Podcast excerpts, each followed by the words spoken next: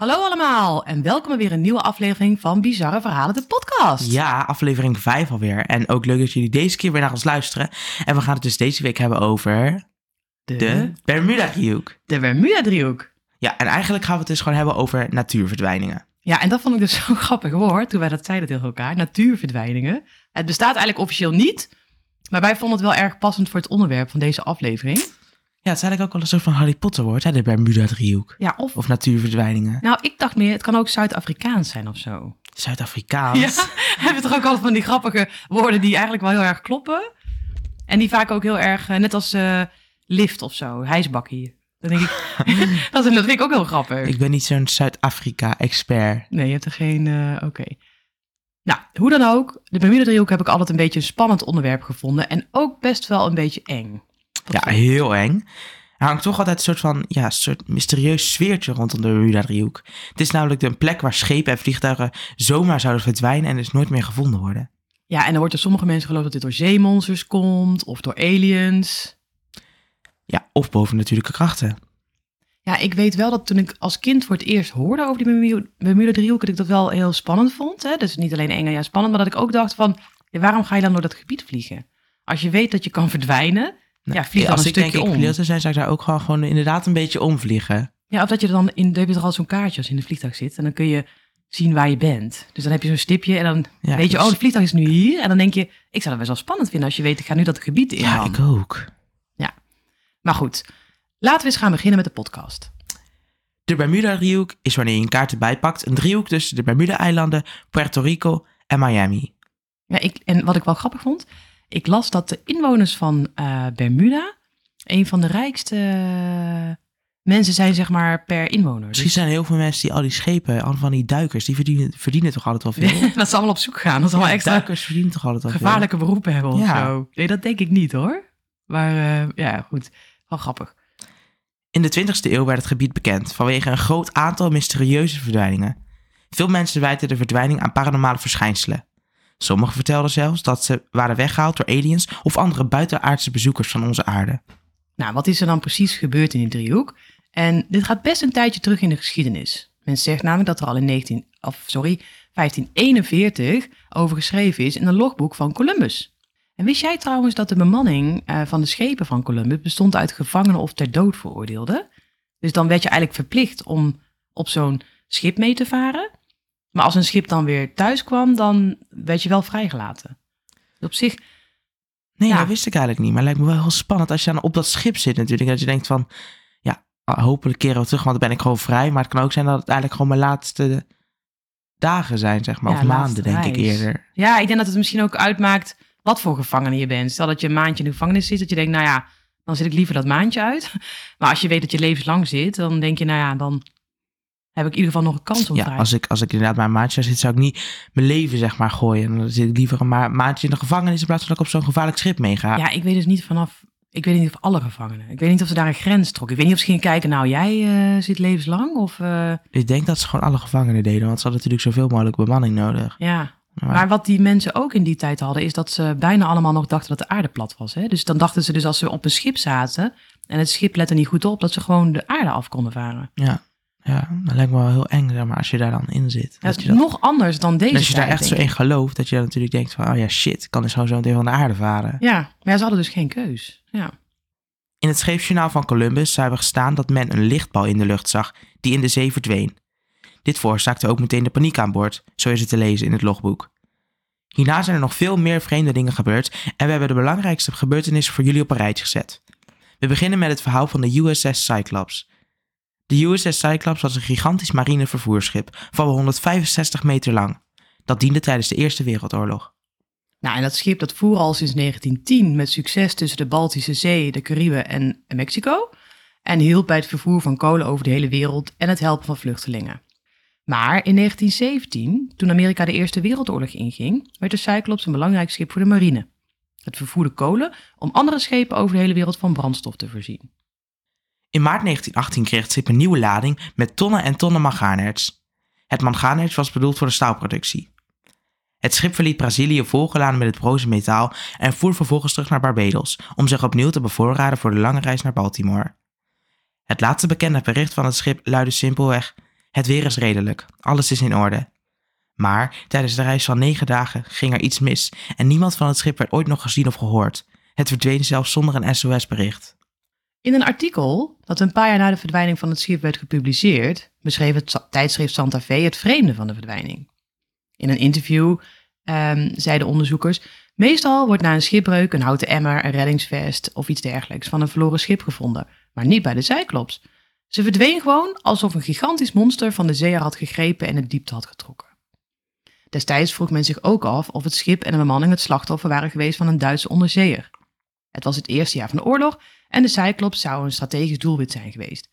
Maar er kwam niets uit het onderzoek en na verloop van tijd werd het steeds onwaarschijnlijker dat de Duitse vaartuigen in het gebied waren geweest.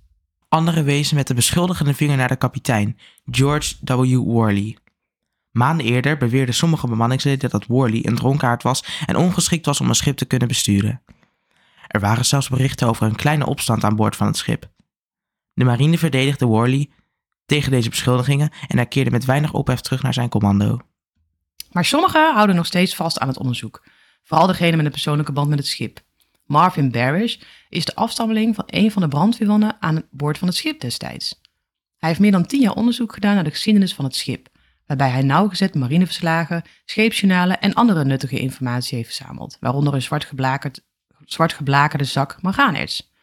Het hele bestaan van het schip is onder het tapijt geveegd, vertelde hij aan de Baltimore Sun. Het was niet zo dat het schip verloren ging in een glorieuze strijd, het is gewoon van de aardbodem verdwenen. De Amerikaanse marine zegt in haar officiële verklaring over de Cyclops: De verdwijning van dit schip is een van de meest verbijsterende mysteries bij de marine. De verdwijning van de USS Cyclops is vermeld als een van de gebeurtenissen waar de meeste levens zijn verloren buiten conflicten om. Ja, en wat wit vind jij nou van dit verhaal, Mees? Ik bedoel, kan zo'n groot schip zomaar verdwijnen? 165 meter, hè? Dat zijn gewoon 16 doorzon woonkamers of zo achter elkaar. Ja, misschien is dat gewoon ja, ik denk aan de ene kant wel dat iets de Duitsers ermee te maken hebben. Ja, hun kunnen het gewoon niet zomaar een heel schip spoorloos laten verdwijnen. Maar ja, denk je dat de Duitsers... Het kan ook zijn dat er heel slecht weer was of zo. En dat het gewoon zeg maar... Ehm, ja, dat hij gewoon in stukken is gebroken. En overal nu in de zee ergens ligt. Ja, maar ik denk... Dat al die stukken gewoon helemaal meegevaard zijn, gevoerd. Ja, ik vind het... Ik vind het idee van de Duitsers ook niet zo logisch. Want dan denk ik, hoezo zouden zij zo'n heel schip kunnen echt kunnen laten verdwijnen? Stel dat ze het zou laten ontploffen of ja, dan zou je toch ook net zo goed de resten misschien moeten vinden. Ik vind dat verhaal niet zo heel logisch, denk ik. Ik denk, ik denk dat het dan misschien meer... Nou, aliens, zeemonsters geloof ik ook niet. Maar ik denk dat het misschien meer gewoon gezonken is. Ja, maar, dat denk ik eigenlijk ook wel. Dat zou, maar ja, waar ligt het dan? Nou ja, het is honderd jaar verder. Maar ik, aan de andere kant, soms vinden ze ook dingen van duizend jaar oud, toch? Honderden jaren oud. Dus het kan nog komen. Ja, dus... Uh, misschien ooit nog over 20 of 30 jaar wordt het schip nog ooit gevonden. Ja, wie weet. Dan gebeurt er in 1945 weer iets bijzonders. Op 5 december, om precies te zijn. Op die datum vertrokken vijf duikbommenwerpers vanuit Florida, oftewel vlucht 19, voor een navigatietraining. Het weer was die dag stabiel en rond twee uur beginnen de 14 bemanningsleden aan hun trainingsvlucht onder leiding van luitenant Taylor. De piloten hadden veel ervaring en hadden ook veel simulatorvluchten gedaan. Ieder vliegtuig had eigen reddingsboten en reddingsvesten voor het geval dat ze op het water zouden moeten landen. Nou, wat gebeurt er dan? Hè? Ze krijgen die dag een bepaalde opdracht en route mee. Ze moeten ergens op die route bommen af gaan werpen en dat verloopt eigenlijk allemaal volgens plan. Er bestaat ook een geluidsopname van, waarin een van de leerlingpiloten vraagt of ze de laatste bom mogen laten vallen. Het is dan drie uur middags. Vervolgens keren de vliegtuigen om en beginnen aan het tweede deel van hun oefening. Rond vier uur is er een radiobericht te horen tussen een van die piloten en de commandant.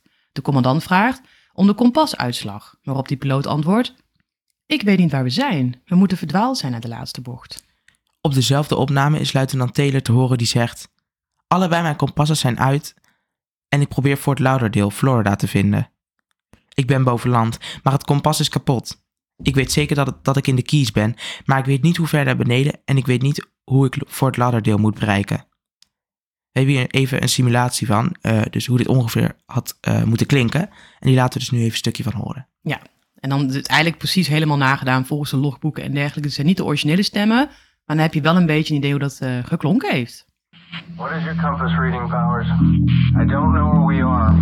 Must have gotten lost after that last turn. MT-28, this is FT-74. What is your trouble? Uh, both my compasses are out. I'm trying to find Fort Lauderdale, Florida. Kort daarna belt een van de vliegtuigen van de vlucht NAS Fort Lauderdale om te melden dat ze verdwaald zijn. NAS staat voor Naval Air Station, oftewel marinevliegbasis. Na enkele uren slechtere weersomstandigheden in het gebied en de zon is inmiddels ook ondergegaan. Rond tien voor half zeven wordt het laatste bericht van vlucht 19 ontvangen. Op deze opname is Taylor te horen die zegt: Alle vliegtuigen dicht bij elkaar. We moeten een noodlanding maken, tenzij we aan land komen. Als het eerste vliegtuig onder de 10 liter komt, gaan we allemaal tegelijk neer. Daarna blijft het stil. Wetende dat de brandstof van de vliegtuigen rond 8 uur op zou zijn, werd rond 6 uur die avond, vlak voordat het laatste bericht werd ontvangen, een zoek- en reddingsactie gestart. Oppervlakteschepen, zowel militaire als koopvaardijschepen, werden op de hoogte gebracht van de verdwijning en twee marinevliegboten werden ingezet voor de zoekactie. Eén reddingsvliegtuig, dus eigenlijk een vliegboot, steeg op om half acht, met aan boord een bemanning van 13 reddingswerkers. De vliegboot meldde een paar minuten na opstijgen een routinebericht, maar verdween 20 minuten later van de radar. Ja. De volgende ochtend lanceerde de marine een nog grotere reddingsoperatie, waarbij in totaal naar zes neergestorte vliegtuigen moest worden gezocht.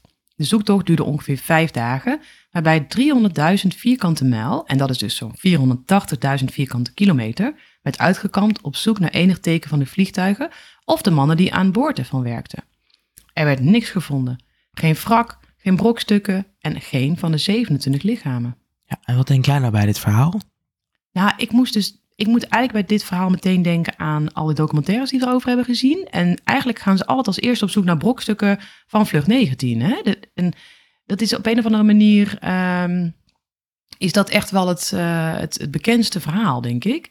Maar ze vinden nooit iets. Ze denken elke keer vinden ze wel iets, toch? Weer een vliegtuig, gaan ze weer met een drone of dan gaan ze weer met bepaalde bootjes. ehm, en dan vinden ze iedere keer iets, maar het is nooit van deze vlucht. Ja, het is eigenlijk een beetje als die USS Cyclops. Zolang er dus eigenlijk niks gevonden wordt, dan zullen we het dus nooit precies weten. Nee, maar het kan nog wel natuurlijk. Het verhaal over vlucht 19 is misschien wel het bekendste verhaal over de Bermuda-driehoek, maar er zijn meer gekke dingen gebeurd. Er gaat ook een verhaal rond dat een piloot tijdens een korte vlucht in moeilijkheden raakte, boven de zone van de Bermuda-driehoek. De piloot vroeg destijds of er andere vliegtuigen in de buurt waren en de verkeerstoren antwoordde dat er niemand in de buurt was. De piloot gaf echter aan dat hij een apart vliegtuig zag vliegen in de vorm van een sigaar. Het vliegtuig was enorm snel en kon buitengewone bochten maken, aldus de piloot. De laatste woorden van de piloot waren dat het vreemde toestel boven hem zweefde.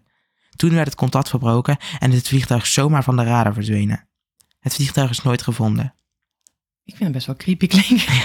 Als je, dit, als je dit hoort, dan is het eigenlijk echt wel eng eigenlijk. Gewoon dat het vliegtuig zomaar gewoon weggaat. Ja, wat, wat was dat ding dan? Misschien was hij gewoon heel moe en heeft hij gewoon dingen gezien. Dat Ja. hij toch gewoon neergestort is of zo. Of een niet geregistreerd vliegtuig? Ja, je weet het niet, hè? Nou, een ander verhaal komt van een piloot die door dit gebied vloog. En de vlucht verliep rustig. Maar plotseling stortte het vliegtuig loodrecht omlaag en bijna onmiddellijk schoot het weer omhoog. In het volgende half uur werd het vliegtuig als een jojo op en neer gegooid. De romp kraakte onder de enorme klappen en de vleugelpunten bewogen 6 meter op en neer. Uiteindelijk nam de turbulentie af, maar toen kon de bemanning een uur lang geen contact krijgen met het vasteland van de Verenigde Staten. De deur van de cockpit was per ongeluk open blijven staan en de passagiers in het vliegtuig hoorden ehm, ja, hoe de piloten zeg maar, probeerden om contact te krijgen, maar dat lukte dus niet. Naast deze verdwijningen zijn er ook heel veel spookschepen aangetroffen in het gebied van de Bermuda-driehoek. Een spookschip is, voor degenen die het niet weten, een verlaten schip dat wel gewoon vaart of ronddobbert, maar waarbij de be- bemanning is verdwenen. Er is door de Amerikaanse hydrografische dienst in kaart gebracht dat er 1600 spookschepen in de Bermuda-driehoek zijn gesignaleerd in de loop der tijd. Een heel bekend voorbeeld is het verhaal van het vrachtschip Carroll A. Deering. Ik vind 1600 wel echt heel veel. Maar over de hele zee... En niet over de hele zee, over dit gebied. Oh ja, oh ja. 1600 dat is eigenlijk echt wel heel spookschepen, hè? veel. Dus niet zozeer Dat zijn allemaal schepen die dus ronddobberen. Toch? Ah, oh, eng eigenlijk. Eng idee. Ja. Nou, in 1919 werd het vrachtschip de Carroll A. Deering te water gelaten. In het daaropvolgende jaar is het schip menig oceaan overgestoken. Eind januari 1921 vertrok ze naar Rio de Janeiro, maar is daar nooit aangekomen. Men ontdekte het schip doelloos drijvend in de buurt van Cape Hatteras in North Carolina en van de, van de bemanning ontbrak elk spoor. Toen de kustwacht aan boord kwam om onderzoek te doen naar het schip, zagen ze dat de zeilen waren gehezen. Er was eten klaargemaakt, maar niet aangeraakt en alles leek in orde. Maar wat was er met de kapitein en de bemanning gebeurd? Er was geen teken van de twaalf mannen die aan boord waren geweest op weg naar het noorden van Barbados. Waren ze meegenomen door piraten of Russische spionnen? Of was het een mysterie van de Bermuda-driehoek? De kranten stonden er vol van, maar tot op de dag van vandaag kent niemand het echte verhaal. Nou, wat denk jij hiervan? Ja, wel creepy, maar misschien, misschien leefde er gewoon een man in of zo. Of een vrouw, of gewoon iemand. Die heeft daar gewoon eten gemaakt en is even voordat het eten, omdat het nog te warm was, gaan zwemmen of zo. Nee, want het was helemaal bemand, hè? Het was gewoon niet zomaar een schip. Een, Ja, maar misschien. Nee. zijn, is de bemanning gewoon ja, overboord gesprongen of zo. En dat het schip weer is boven gekomen. Ja. En dat daar iemand nu in leeft. Ja, maar dat vind ik zo raar. Dat dan het... Want eten dan- kan toch ook niet zo lang er goed uit blijven zien? Nee, maar je hoort wel eens verhalen dat mensen bijvoorbeeld geen eten hebben en ronddobberen en dat ze dan uiteindelijk zout water gaan drinken en overboord springen. Nou, dan zou het nog kunnen dat zo'n schip dus daar drijft, maar dat de bemanning weg is. Maar hier was het eten gewoon, er was gewoon eten en drinken aan boord en het, het stond klaar. Dus, en dan denk ik, ja, als zo'n schip echt eh, in een golf terechtkomt, ja, dan, dan zou iedereen, dan zou ook dat schip, zeg maar, dan zou het eten daar niet meer Dat is Dus eigenlijk echt wel heel creepy. ja, dat, dit vind ik dus echt wel raar. Ik bedoel, ik kan wel... Ja, stel dat zo'n schip helemaal onder water zit en zo. Dan denk je, nou, dat is gewoon een grote golf gekomen en de bemanning is overboord geslagen. Maar dit vind ik toch wel raar. Jij niet? Ja, heel, heel apart. In januari van dit jaar verscheen er ook nog een filmpje van twee mannen die in de Bermuda-driehoek een verlaten bootje zagen dobberen.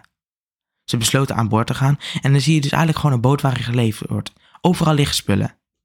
Nou, dit is dus echt, vind ik dus echt heel apart. De video is al wel tien jaar geleden opgenomen door de twee mannen. Ja, dat is eigenlijk dus hetzelfde als met die, ehm, hè, die Carol A. Deering. In De zin van dat je dus gewoon een... eh, Ja, is het, is het hier, als hij helemaal bewoond was, dan kon hij toch gewoon dat de persoon die daar leeft gewoon even weg is gegaan. Ja, maar hoezo even weggegaan? Waar ga je naartoe dan? Ja, naar de stad eten halen. Midden op het water. Dat kan toch niet? Die boot drijft op het water. Wat bedoel jij? Ja, maar gewoon zwemmen. Goed voor de spiertjes. Nee, natuurlijk niet. Een schip, dat leg je toch aan? Je gaat toch niet zeggen, mijn schip, laat ik hier Nee, gewoon lekker dobberen en ik ga lekker naar de kant. Heel Miss- raar. Misschien is er één zo'n schipmoordenaar die allemaal mensen uit schepen haalt en vermoordt. Nou, ik, dit vind ik dus weer dezelfde rare situatie. Kijk, stel dat je dus geen eten en drinken aan boord treft, eh, of een schip dat helemaal ondergelopen is, dan, dan kan ik het verklaren. Maar dit vind ik dus weer zo. Maar wat ik wel raar vind, waarom komen die kinderen, of ja, jongens waren toen eigenlijk nog, jonge jongens, waarom komen die daarmee tien jaar later met zo'n filmpje? Waarom niet gewoon, ja, waarom niet meteen? Waarom tien Zodat jaar mensen wachten? denk ik niet ook naar dat schip gingen zoeken. Nee, want het schip is gewoon weg, eh, weggehaald, hè? Hoe weet je dat? Ja, dat denk ik toch? Ja, nou dan. Ze drijven daar Ja, nog steeds. Als ik, ja, al die mensen gaan toch juist dan naar die plekken? Ja, maar ze weten dat is helemaal een heel groot gebied, hè? Gaat niet zomaar even daar naartoe. Het is niet zoals het kanaal hier in de buurt. Nee, dat is toch anders. Nou ja, nou. Ik zou er denk ik wel, als het dichtbij was, zou ik er wel even gaan kijken hoor, naar het schip. Maar aan de ene kant Maar ook wel het is een echt kilo, honderden kilometers groot gebied, hè? Ja, maar niet uit. Maar, Doe gewoon even LiDAR ding kopen. ja, nou, ik weet niet. Dan heb je keuze uit 1600 schepen blijkbaar. Dus eh, ja, niet allemaal tegelijk natuurlijk. Nou, dan heb je ook nog de verhalen over, de, over het verlies of winst aan tijd. En het komt voor dat vliegtuigen onverwacht veel te vroeg aankomen. En dat ze door een dikke mist zijn gevlogen. Dit is nog wel te verklaren door harde rugwind. Hoewel het in de meeste gevallen niet zo was. Of door verkeerde berekeningen van de piloot. Toch zijn er enkele gevallen zeer diepgaand onderzocht. Maar daar hebben ze nog geen verklaring voor gevonden. Eén zo'n onverklaarbaar geval heeft zich in 1970 voorgedaan op het vliegveld van Miami, Florida. Een National Airlines 727 passagiersvliegtuig komt aangevlogen om te landen. Niks bijzonders tot zover. De vluchtleiding in de toren volgt het vliegtuig op het ra- radarscherm, maar plotseling verdwijnt het vliegtuig van het scherm om pas na 10 minuten weer op te duiken. Piloot en bemanning begreep de opwinding van de vluchtleiding niet. Voor, zover zij wisten was er dus niks misgegaan. Eén vluchtleider zei tegen de piloot: Gedurende 10 minuten heb je gewoon niet bestaan. Toen ze de horloges controleerden, bleken deze 10 minuten achter te lopen ten opzichte van de juiste tijd. Een opmerkelijke zaak, zeker omdat het vliegtuig 20 minuten voor het voorval een routinecheck had waarbij geen tijdsverschil werd waargenomen. Ja, dus wat er eigenlijk is gebeurd, is zo'n vliegtuig is dus eigenlijk... De tijd heeft eigenlijk 10 minuten stilgestaan. Dus zij zijn aankomen vliegen en ehm, de, de luchtverkeersleiding die zag dat vliegtuig van de radar verdwijnen. Als zoiets van, waar zijn ze nou? ja, apart toch? Dit vliegtuig die wist daar gewoon niks van. Nee, maar ik vind het zo raar dat het dus gewoon... Oké, dat is weg, 10 minuten stress. Van waar is dat vliegtuig gebleven? Is het, eh, krijgen we nog een, eh, een soort noodoproep of zo, hè, dat het zeg maar in, in, in gevaar is. Nou, dat gebeurt allemaal niet. En na tien minuten zie je het vliegtuig gewoon ineens weer terug. En die mensen in het, in het, in het vliegtuig zelf, die zijn zich gewoon geen kwaad bewust. Die komen gewoon aan en die denken, nou, oké. Ja, heel apart. Maar ja, ja. Nee, Ja, hoe ik- kan dit dan? Ja, ik snap er helemaal niks van. ja, nou goed, dat is, vind ik, wel, ik vind het wel ehm, eh, best wel apart. En ik las dus ook zo'n verhaal, maar dat, dat is niet waar, denk ik. Dat weet ik eigenlijk wel zeker. Maar dat was ook weer zo helemaal uit de... gaan ze helemaal door, zeg maar, qua fantasie. Maar daarbij komt er dus, is er, verdwijnt er dus een vliegtuig. Dat is 35 jaar weg, daar is het dan. En dan landt het ineens, dus dan zien mensen ineens in, ehm, in de verkeerstoren, zien ze dus zo'n ehm, vliegtuig, heel ouderwets, heel retro, aankomen vliegen. Ik weet niet of dat kan zien trouwens, maar ineens een vliegtuig en dat landt. Nou, dan zien ze dat het een heel oud vliegtuig is, van 35 jaar geleden. En ehm, dan komen ze aanlopen en dan ehm, is, iedereen, zeg maar, veranderd in een skelet. Ja. dat is natuurlijk sowieso nep. Ja, nee, maar dat, ja, ik vond het wel grappig dat dat, ja, ik vond het wel een heel grappig verhaal. Het was ook heel mooi met allemaal foto's erbij en krantenartikelen en dergelijke. Maar dan ga je zoeken naar de, de naam, zeg maar, van de vliegtuigmaatschappij, waar dat vliegtuig van was. En dat, dat, ja, dat bestaat dus niet. Nee, ja, klonk dat wel lijkt me wel heel- logisch. Ja, dat was iets van US, eh, wat was het ook alweer? US ehm, Florida of zo. Nou, nee, dat klinkt heel nep, maar het, was, het klonk best nog wel echt. Ja, en al die krantartikelen, ja. Ik zou denk ik wel geloogd hebben. Maar Ja, nou, aan de ene kant, skeletten in een vliegtuig dat die kan landen. Ik vond het wel een cool verhaal. Ja, Toen ik heel las, cool. dacht ik wel, oeh, ga ik even wel goed in een film. Maar, maar dan had iedereen het moeten weten, toch? Dan was het echt wel groter nieuws geweest, denk ik. De Bermuda-driehoek is niet de enige plek op aarde waar dit soort dingen gebeuren. Want er schijnen dus meer gebieden te zijn die zelfs vergelijkbaar zijn met de Bermuda-driehoek. Na een onderzoek door een Japans schip in 1955 werd bijvoorbeeld het gebied tussen de Bonin-eilanden, de Marcus-eilanden en de Marianen tot gevarenzone verklaard. Want tussen 1950 en 1954 verdwenen in dit gebied onder andere negen schepen. Onder ongeveer dezelfde omstandigheden als in de Bermuda-driehoek. Dit gebied heeft meerdere namen, zoals Duivelszee, Formosa-driehoek of Draken-driehoek. Deze Formosa-driehoek ligt op dezelfde plaats als de Bermuda-driehoek, maar dan precies aan de andere kant van de aardbol. Ja, dus als je de aardbol zou pakken en je zou er een stok recht doorheen steken, dan verbind je eigenlijk dus die twee Bermuda-driehoeken. Ja, en dan gaan natuurlijk al die vliegtuigen die dan ook doorheen gaan vliegen. Ja, dus een, soort gespiegeld is het dan eigenlijk, hè? Ja. ja, nou, ik vind het dus zo vaag dat er dus gewoon nog zo'n Bermuda-driehoek is. Nou, sterker nog, het blijft niet bij twee. Het zijn er, zijn hebben we ontdekt dat het er twaalf zijn. Dus je hebt er vijf op het zuidelijke halfrond, vijf op het noordelijke halfrond en op beide polen één. Onderzoekers hebben aangetoond dat als je deze plekken met elkaar verbindt, dat deze driehoeken dan een bepaalde vorm maken. De locaties van al deze duivelsdriehoeken vormen samen het icosaeder. Dat is een twintigvlak. Nou, dan hoop ik dat ik het goed uitspreek, want ik ken het woord niet. Maar goed, het wordt ook wel een aardraster genoemd. En al, alle duivelsdriehoeken bevinden zich op de hoekpunten van het getrokken aardraster. Ja, dat is toch wel heel vaag. Ja, ik vind het ook heel vaag. Maar ja, goed. Nou, deze driehoeken zijn onder andere te vinden in het gebied boven Afghanistan en Pakistan, het gebied ten noordwesten van Hawaii, de Middellandse Zee, de oostkust van Zuid-Afrika, de Tasmanzee, voor de kust van Australië, de Indische Oceaan, het zuidoosten van de Grote Oceaan en de oostkust van Zuid-Amerika. Nou, en ik las dus ergens over dit aardraster dat ze dus vanuit gaan dat primitieve culturen vroeger al bekend eh, hebben, zijn geweest met dit aardraster. De piramides, heilige tempels en steencirkels die zijn gebouwd door deze culturen zijn precies gebouwd op de plaatsen die overeenkomen met de locaties van de knooppunten van het aardraster. Deze bouwwerken komen niet alleen voor in Egypte, maar komen voor over heel de wereld. Dat maakt het ook een opmerkelijk verschijnsel. Je vindt geen piramide of ander heilig bouwwerk dat niet op een knooppunt ligt. Ja, dat heb je ook. Wij zijn ook bij Stonehenge geweest, toch? En ehm, Stonehenge is ook zo'n eh, ja, zo'n bouwwerk eigenlijk. Wat dus ook op zo'n knooppunt ligt van een aardraster. Maar ik denk dat we daar dan misschien nog maar eens een aparte podcast over moeten maken in de toekomst. Nou, er is natuurlijk heel veel onderzoek gedaan naar de Bermuda-driehoek.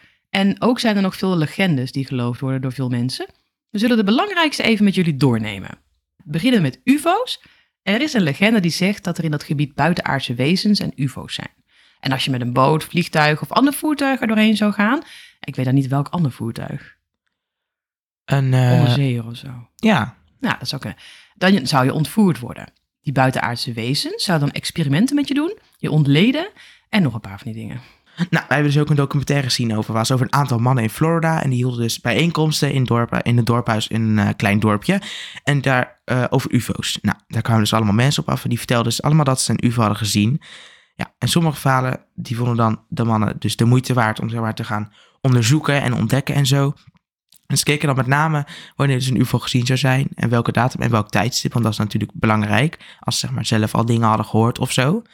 En eh, ja, als, er, als het dus op die datum ook een verdwijning zou geweest zijn, dan gingen ze eens onderzoeken of er dus een wrak op dat punt eh, ja, was. En ze, ze namen dan bijvoorbeeld iemand mee naar de plek die dus die UFO had gezien op die plek. En dan, ja, dat eigenlijk. Ja, ik vond dat best wel zo echt zo'n typisch Amerikaanse serie. Jij niet? Echt een beetje van die drama. hè? Ja, van die vikingen ook Ja. zo. Van die mannen, echt van die mannen van die vissers of zo, die dan op zo'n bootje gingen en die hadden alles zelf verkocht en van die apparatuur bij en die waren helemaal gefascineerd. Ja, Helemaal gek door de Bermuda maar die geloofden ook echt in die ufo's en dan eh, en heel dat dorp zou vol met die mensen. Maar dan vond ik het wel heel apart dat ze dan helemaal gingen kijken van, oké, jij zegt dat je in 1989 dit en dit hebt gezien. Waar stond je toen? Waar was die lichtflits dan? Ehm, en dan gingen ze naar die plek, hè, gingen ze naartoe rijden. En dan, tenminste, als ze eerst ook hadden gezien dat er in die tijd dan ook een, een verongelukt schip was. Ja, want anders konden die mensen natuurlijk allemaal verhaaltjes gaan bedenken. Daar Ja, hadden ze natuurlijk geen zin in. maar zij vonden niks, hè? Nee. Elke keer- ik, ik, vond het, ik, Elke keer gewoon één grote teleurstelling. ik vond het wel de minst interessante het is documentaire. echt gewoon, je leven bestaat dan gewoon alleen maar uit teleurstelling als je dat soort dingen Ja, doet. zoeken. Was zoeken. maar Zoeken en daarna teleurstelling. Ja, ja maar oké, maar dan, dan, dan blij, ze bleven wel heel hoopvol. Dat vond ik dan wel weer, ehm, nou, dat vond ik dan wel weer apart. Of eh, goed eigenlijk, zo moet ik het zeggen. Ja. Mensen denken dus ook dat deze verdwijningen kunnen komen door een zeemonster. Deze legende is gebaseerd op het verhaal van het monster van Loch Ness. En dit monster zou dan in de Bermuda-driehoek alles verslinden wat het tegenkwam. Dit zou dan ook meteen verklaren waarom er dus nooit iets aangespoeld of gevonden was. Maar ik dacht altijd dat je, je hebt toch niet een hele familie Loch Ness, of wel? Er is toch één monster van Loch Ness? Dat, ik- of is er dan gewoon, is er gewoon een hele familie? Dat dit gewoon eh, met broertjes en zusjes en dat overal monsters van Loch Ness rondzwemmen? Ja, maar Loch Ness is toch gewoon heel groot? Die kan toch gewoon ge- overal tegelijk zijn? Nee, Beetje als een zeeworm. Nee, maar Als je die- hebt toch van die je- foto's met de kop erbovenuit. Ja, dan is je- die misschien je- wel groot, maar natuurlijk die is geen kilometers lang. Maar als je een zee, zeg maar, een zee, eh, hoe heet dat? Een regenworm door de midden scheurt of doet, dan gaat, kan Ja, hij ook nog schijnt gewoon dus een leven. fabeltje te zijn, hè? Nee. Ik la- ik, nou, dat schijnt dus echt een fabeltje te zijn. Ja, het schijnt dus dat je dan wel één worm, die ene helft leeft dan wel door, maar die andere helft dood. Dat dacht ik dus ook altijd. Je dan twee wormen, maar dat is dus niet. Nee, Dat is echt ik heb laatst heel veel theorieën. En ja, het grappig, jouw broertje nam dus een werkstuk over regenwormen mee naar huis. En het is echt heel raar. Die hebben allemaal ringetjes en zo. En eh, zo bij zoveel ringetjes dit en met zoveel ringetjes. Ik was, kreeg ineens wel heel veel respect voor de regenworm. Maar dat stond dus ook in dat fabeltje. gewoon dus, ja, dan moet je dus echt hopen dat je gewoon niet die kant met die dood gaat. Nee, maar jij dacht, we snijden het, het monster van Loch Ness in twee en hebben twee monsters. Nee, Nee. maar die heeft toch twee koppen of zo? Nee. Nee, die heeft één kop. Maar ik vind het een beetje uit als een soort dinosaurus altijd. Als ik kijk naar die foto's van Loch Ness. Rar. Nee, maar aan de andere kant denk ik, ja, eh, dan zou het monster van Loch Ness, als het zou bestaan, zou dus eeuwen oud moeten worden. Dan kan alleen maar dat ze ook voortplanten, toch? Dat er families zijn. Nee, het is gewoon een heel levenloos. Is er maar één monster van Loch Ness? Nee, want dat zeggen ze net. Dat, het dus, dat monster van Loch Ness, dat zit daar, zit natuurlijk niet in de buurt van Amerika. Oh. Toch? Ja, maar dat gaat dus ook niet naar elkaar toe. Loch Ness is ook daadwerkelijk toch een meer. Daarom heet het monster van Loch Ness. Maar Ja. goed, misschien bedoelen ze dan iets wat erop lijkt of zo. Dat kan natuurlijk ook. Nou, ik heb dan nog een, eh, an- nog, nog een apartere oorzaak, vind ik eigenlijk. En dat gaat over het. Dat is eigenlijk een verhaal over een glazen piramide. Want gerucht gaat dat op de zeebodem van de Bermuda-driehoek een doorzichtige glazen piramide staat. Het waarom, hoe en hoe lang hij er al staat, dat weet niemand. Maar deze piramide zou groter zijn dan de piramide in, E- eh, de piramide in Egypte. Bovenop de piramide zijn twee grote gaten te zien. Door een van de gaten stroomt zeewater met grote snelheid. Golven creëren daar een draaikolk en zorgen voor mist op zeewaterniveau. Veel mensen denken dat de piramide effect heeft op de schepen en vliegtuigen die zinken. Nou, vliegtuigen die... Ja, eh, dat vind ik dus echt een heel apart verhaal, hè? Dit verhaal dat kan toch nooit? ja, wetenschappers geloven dit verhaal ook niet, maar ik Nee, vond het dus ook... zou, anders zou die echt al lang gezien zijn. Ja, dat toch? denk ik dus ook. Want het is het gebied wat natuurlijk ook heel veel onderzocht is. En zeker een En ook glazen... met al die kaarten en zo van die onderwater dingen en zo. Ja, maar een glazen piramide die heel groot is. Maar ja, goed, blijkbaar wordt het toch eh, geloofd. Een andere legende is dat Atlantis er op de bodem van de zee ligt. Waarom dit dan precies voor al deze verdwijningen zou kunnen zorgen, dat kon ik niet echt achterhalen. Zover hadden ze geen theorie bedacht. Nog een andere reden zou ook dus zijn dat er veel wormgaten in de Bermuda-driehoek zitten. En dit zijn dan gaten dus mogelijk kan tijdreizen. En, en maar het bestaan ervan, ja, is natuurlijk nog niet erkend. Nee, maar daar hoor je wel eh, veel over. Nou goed, Ehm, dan hebben we nog wat meer nuchtere verklaringen. Drukte. Sommige mensen zeggen het is gewoon een heel druk bevaren en bevlogen gebied. Logisch dat er dan meer ongelukken gebeuren. Ja, maar het gaat toch ook om dat er dus nooit wrakken gevonden worden, of ben ik nou gek? Ja, dat dacht ik dus ook, maar goed. Nou, methaangas zou ook een goede verklaring kunnen zijn. En ik lees hier eigenlijk twee verklaringen voor. De ene verklaring is dat er op de bodem van de zee in de Bermuda-driehoek veel methaangas ligt. En de kraters in de Barentszee zijn tot 800 meter breed en 45 meter diep en zouden zijn ontstaan door methaangas in de olie- en gasrijke zeebodem bij de Noorse kust. Dit gas zit in grote hoeveelheden in bubbels onder de zeebodem en sommige van die bubbels bevinden zich vlak onder de oppervlakte en andere zitten kilometers diep. Het kan dus gebeuren dat zo'n bubbel barst en er methaangas vrijkomt door middel van een ontploffing. Bij een dergelijke ontploffing wordt een enorme hoeveelheid methaangas naar boven gestuurd, waardoor er een soort grote gaten in het zeeoppervlak worden geblazen. Hierdoor kan een schip binnen enkele minuten zinken. Dus het ontstaan er eigenlijk een soort Dat, gaten. dat vind ik op zich al logisch. En dat vond ik dus ook best wel een logische verklaring. Nou, nog een reden zou kunnen zijn dat de zeebodem in de regio van de Bermuda-driehoek ruig en onregelmatig is. En zit dus vol met diepe troggen. De trog van Puerto Rico met zijn 8605 meter is zelfs dus het diepste van de Atlantische Oceaan. En deze ligt dus bij de Bermuda-driehoek.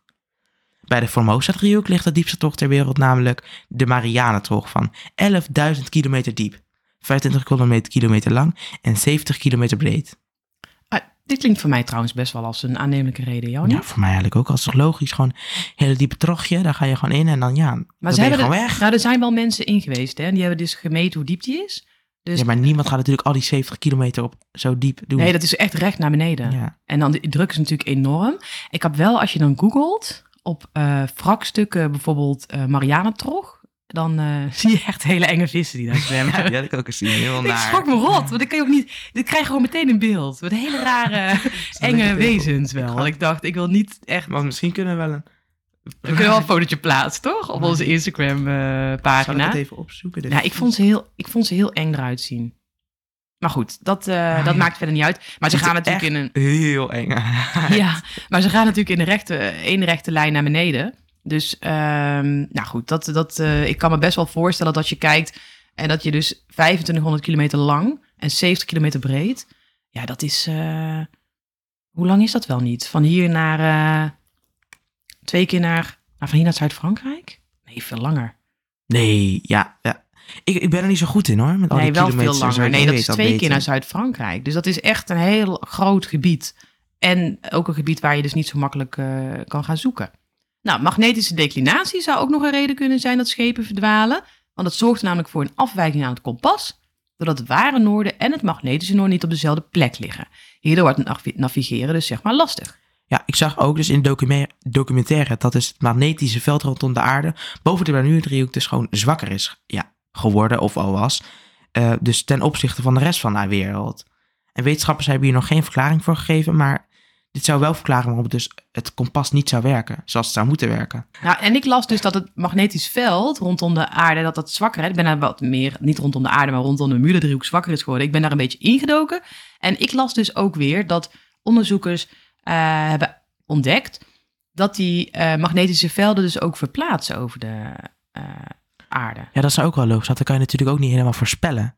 Nee, Dus maar kan je dat niet alsnog, ja, dan kan je er, als- ja, en dan kan je er alsnog, als, alsnog niet omheen, zeg maar. nee, maar ik dacht dus, zou dat dan eh, consequenties kunnen hebben? Ja, tuurlijk. Als, als die magneet, als die kompas niet werkt, ben je helemaal, en helemaal als donker Ja, dat is dus helemaal niet. Dat is dus helemaal niet. Ik dacht dus, nou, misschien heeft dat te maken met de zwaartekracht. Ja, weet ik veel. Ik ben natuurlijk geen natuurkundige, maar ik, dat heeft dus eigenlijk geen. Het maakt dus eigenlijk niet uit. Nou. Ja, behalve voor je kompas, en dat is best vervelend, maar het maakt voor ons mensen verder niet uit. Nu liggen er op de bodem wel naar schatting zo 300 wrakken van schepen. En ook daar hebben we dus een mooie documentaire over gezien. En in dit programma zag je dus hoe ze door middel van sonartechnieken hele stukken zeebodem in kaart hadden gebracht. Zo konden ze door dit, eh, ge- door dit gebied te scannen, na de hand met één druk op de knop het water zeg maar, wegtoveren eigenlijk. Gewoon alsof het opgezogen wordt allemaal. En je zag dan dus heel goed hoe de bodem eruit ziet en de, waar de wrakken liggen. Ik vond het wel heel mooi. Ja. heel speciaal dat ze dat kunnen, zeg Maar, maar. maar zo, ook zo met één druk, zo, ploem, dan zag je alles weg. En dan Ja, zag je heel die, eh, die plooien en alsof het de maar, gewoon allemaal door, door, door, het door het putje is gegaan allemaal. Ja, alsof het weg is gelopen inderdaad. Hè? Wat nu precies de reden is van de vele ongelukken en verdwijningen, zullen we dan misschien nog niet zeker weten. Maar wat we wel weten is dat sommige dingen wel overeenkomen bij de gebeurtenissen. Ja, er zijn een aantal dingen die opvallen als je kijkt naar de verdwijningen en ehm, nou ja, ongelukken eigenlijk in de Bermuda-driehoek. En dat is onder andere het wegvallen van de radioverbindingen, meestal na eerst onduidelijk te worden door zwakheid en ruis, is best uniek. Er is nooit een wrakstuk of lichaam aangetroffen op zee of aangespoeld aan een van de dichtbijgelegen eilanden. En bij andere verdwijningen op de oceaan is het meestal wel het geval. Daar vindt men eigenlijk altijd bijna wel iets terug. En meestal waren er geen ongewone weersomstandigheden en blijkt het juist opvallend vaak zo te zijn dat er geen wolkje aan de lucht was en geen of weinig wind. Ja, en over dat heb ik dus ook alweer het gelezen. Dat dus, dus ja, die stilte juist de kenmerken zijn van bepaalde natuurverschijnselen. Dus soms wordt het dan bijvoorbeeld heel windstil voordat er iets heel heftigs gebeurt. Ja, of is Stilte dat, voor de storm. ja, dat is wel hè. Dan wordt het heel stil. En volgens mij is het met een tsunami toch ook. Dat, er- dat heel... Daarna tre- het water trekt als eerst allemaal weg om vervolgens één hele grote Ja. golf te pakken. Ja, dan krijg je gewoon die... Dus dan wordt het zeg maar app tijdens midden, dat had ik ook een keer gelezen of gezien of zo. Dan zeg maar tijd, midden in het tsunami, dan trekt het water weer weg, zeg maar. Dan wordt het app. En dan denken bewoners die er nog Ja, dat geen trekt het ervaring hebben. heel erg terug hè. En dan, denk, ik dan denken bewoners van, ja, nou chill, het is voorbij. We kunnen weer even veilig. En dan, daarna wordt het nog harder terug, omdat hij al het water gebruikt om een hele grote golf te maken. Ja, maar bij een tsunami, dan denken de mensen volgens mij niet chill. Het is goed, want dat gaat volgens mij heel eng eruit zien hoor. Volgens mij trekt het zee zich dan zo ver terug, dat het echt, echt opvallend is. Ja. ja, sommige mensen denken dan van, het water trekt weer terug, zeg maar. Als je dat nog niet eerder hebt meegemaakt. Ja, maar ik denk dat dat wel in die gebieden, ja, dat het wel een soort van... Niet ehm, elk jaar natuurlijk. Nee, niet elk jaar, maar denk dat de mensen wel een beetje alert op zijn. Nou, we hebben nu echt een heleboel redenen gehoord. Welke vind jij het meest geloofwaardig? Ik denk dat geloofwaardig is toch wel dat inderdaad dat methaangas, dat zeg maar van die gaten in het ja, zeeoppervlak komen. Dat vind ik wel het meest geloofwaardig. Oké, want ik vind, ja, zo'n glazen piramide of een monster van Loch Ness, dat, daar geloof ik eigenlijk niet in. Wel? ik, ook niet. Ah, ik geloof ook niet in ufo's. Nee? Nee, Ja, ik weet niet. het niet. Ik geloof, ik weet niet of ik, ja, ik zeg ook, ik geloof niet in UFO's. Aan de andere kant denk ik, ja, er is, het is niet allemaal te verklaren misschien, toch? Ik, ik zou nog wel eens een keer verder in die UFO's willen duiken. Komen we nog een aflevering op terug. Ja, we, we gaan sowieso een aflevering over UFO's maken. Ik ben wel heel benieuwd of dat ik dan na die aflevering een andere mening heb. eh, of dat ik nog meer twijfels heb. Wat denk jij? Ja, ik denk dat je door al die nieuwe informatie juist wel misschien meer gaat twijfelen. ja, dat dat had ik hier ook mee. meer over weet en nog meer verschillende theorieën natuurlijk krijgt. Ja, want dat was misschien wel leuk. Of dat is misschien wel leuk om even te vertellen over deze Bermuda driehoek. Dat je inderdaad ook, toen wij begonnen, toen dachten we eigenlijk van, oh nee, ja, het is allemaal heel duidelijk, het is opgelost. Hè, dus misschien niet zo leuk om een hele aflevering over te maken. Maar toen zijn we erin gedoken en toen, ja, elke keer dat ik iets, een nieuw verhaal las, vond ik het eigenlijk steeds interessanter weer worden. Ja, ik ook eigenlijk altijd wel. Want het, waarvan ze denken dat het opgelost is, of waarvan ze denken dat ze niet weten toch hoe het niet? komt, dat is niet Dus 100%. toch komt er toch hè? weer nieuwe dingen bij, Ja. het dan weer dat niet kan of juist wel. En dat er dan, ja, En dat is deze tijd. Misschien dat het zeg ik maar. denk dat we er eigenlijk gewoon misschien wel, sommige dingen komen misschien wel gewoon nooit uit of wel. Ja. En ik denk dan ook, 60 jaar geleden hadden ze misschien zoiets. Nou, we weten het hoor, het komt door UFO's. En dan was het gewoon, dan was dat gewoon de waarheid. Ja, en nu uiteindelijk is het natuurlijk weer door die sonar en zo, het is weer allemaal nieuwe technieken. Ja. Nou ja, ik geloof wel dat het lastig is. Ik, ik vraag me alleen wel af van, ehm, als zoiets dus echt verdwenen is, dan zou ik bijna denken dat alles in die trog ligt. Mm, ja, ja, ehm, oh ja, da- maar misschien, die trog is zo groot dat het misschien wel gewoon, als het zo diep zakt, zeg maar, dat het ook wel gewoon ondertussen helemaal kapot gaat. 11 kilometer is lang, hè? Ja, maar ik denk wel dat het, waardoor zou het kapot gaan? Het zit in het water, het zakt gewoon uiteindelijk naar de bodem. Zit daar niet ook op die bodem van de marinetor van het methaangas? Ja, misschien wel. Dat het door dat methaangas gewoon helemaal, zeg maar, ja, verpulvert of dat zo. je dus extra ontploffing krijgt. Ja, dat kan toch? Ja, dat kan misschien altijd. Maar ik Maar denk dat wel heel ver gezocht. Ja, dat denk ik ook. Ik denk dat ze op een gegeven moment gaan ze gewoon onderzeeërs vinden... die eh, heel diep kunnen en heel lang kunnen eh Ja, en, onder dat je, en dat we dan uiteindelijk vast wel iets vinden. En dan krijg je zo'n hele 3D-simulatie van zo'n Alles heeft uiteindelijk wel iets van een ja, verklaring, zeg maar. Maar denk je niet? Dat je dit op een Google Street View, maar dan van de bodem. Dat zou wel cool zijn. Maar dat duurt heel echt eng. wel Lijkt me wel heel eng. Dat is niet? hele verre Ja, toekomst. het is helemaal geen licht daar ook, hè? Het is heel donker. Ja, helemaal pik, zo'n pikken donker. Dan kan je met zo'n griezelfilm, met in één keer zo'n gekke vis... die, die Oh, we gaan ja. plaatsen en dat die ineens zo... Ineens, ach, Ja, dat gebeurt dus wel. Maar goed, ehm, ik denk dat we aan het einde gekomen zijn van deze podcast. Ja, en we hopen natuurlijk dat jullie het ook leuk vonden. En allemaal bedankt voor het luisteren. En we zouden het natuurlijk heel leuk vinden als jullie onze podcast een duimpje omhoog willen geven. Of in ieder geval iets van een rating. Ja, dat zou heel erg leuk zijn. En eh, volg ons voor het laatste beeldmateriaal en het laatste nieuws op Instagram. Bizarre Verhalen, de podcast. En heb je leuke ideeën voor onze podcast? Stuur ze dan zeker even naar ons toe. We hopen dat jullie deze aflevering weer leuk vonden. En dat jullie de volgende aflevering ook weer zullen luisteren. Om de week op zondag om 6 uur zullen wij elke keer weer een nieuwe aflevering plaatsen. En ja, eigenlijk tot de volgende keer. Tot de volgende keer. Luister je graag naar deze podcast? Laat de maker weten dat je waardeert wat hij of zij doet en geef een digitale fooi. Dat kan zonder abonnement, snel en simpel via fooiepot.com. Fooiepot met een d.com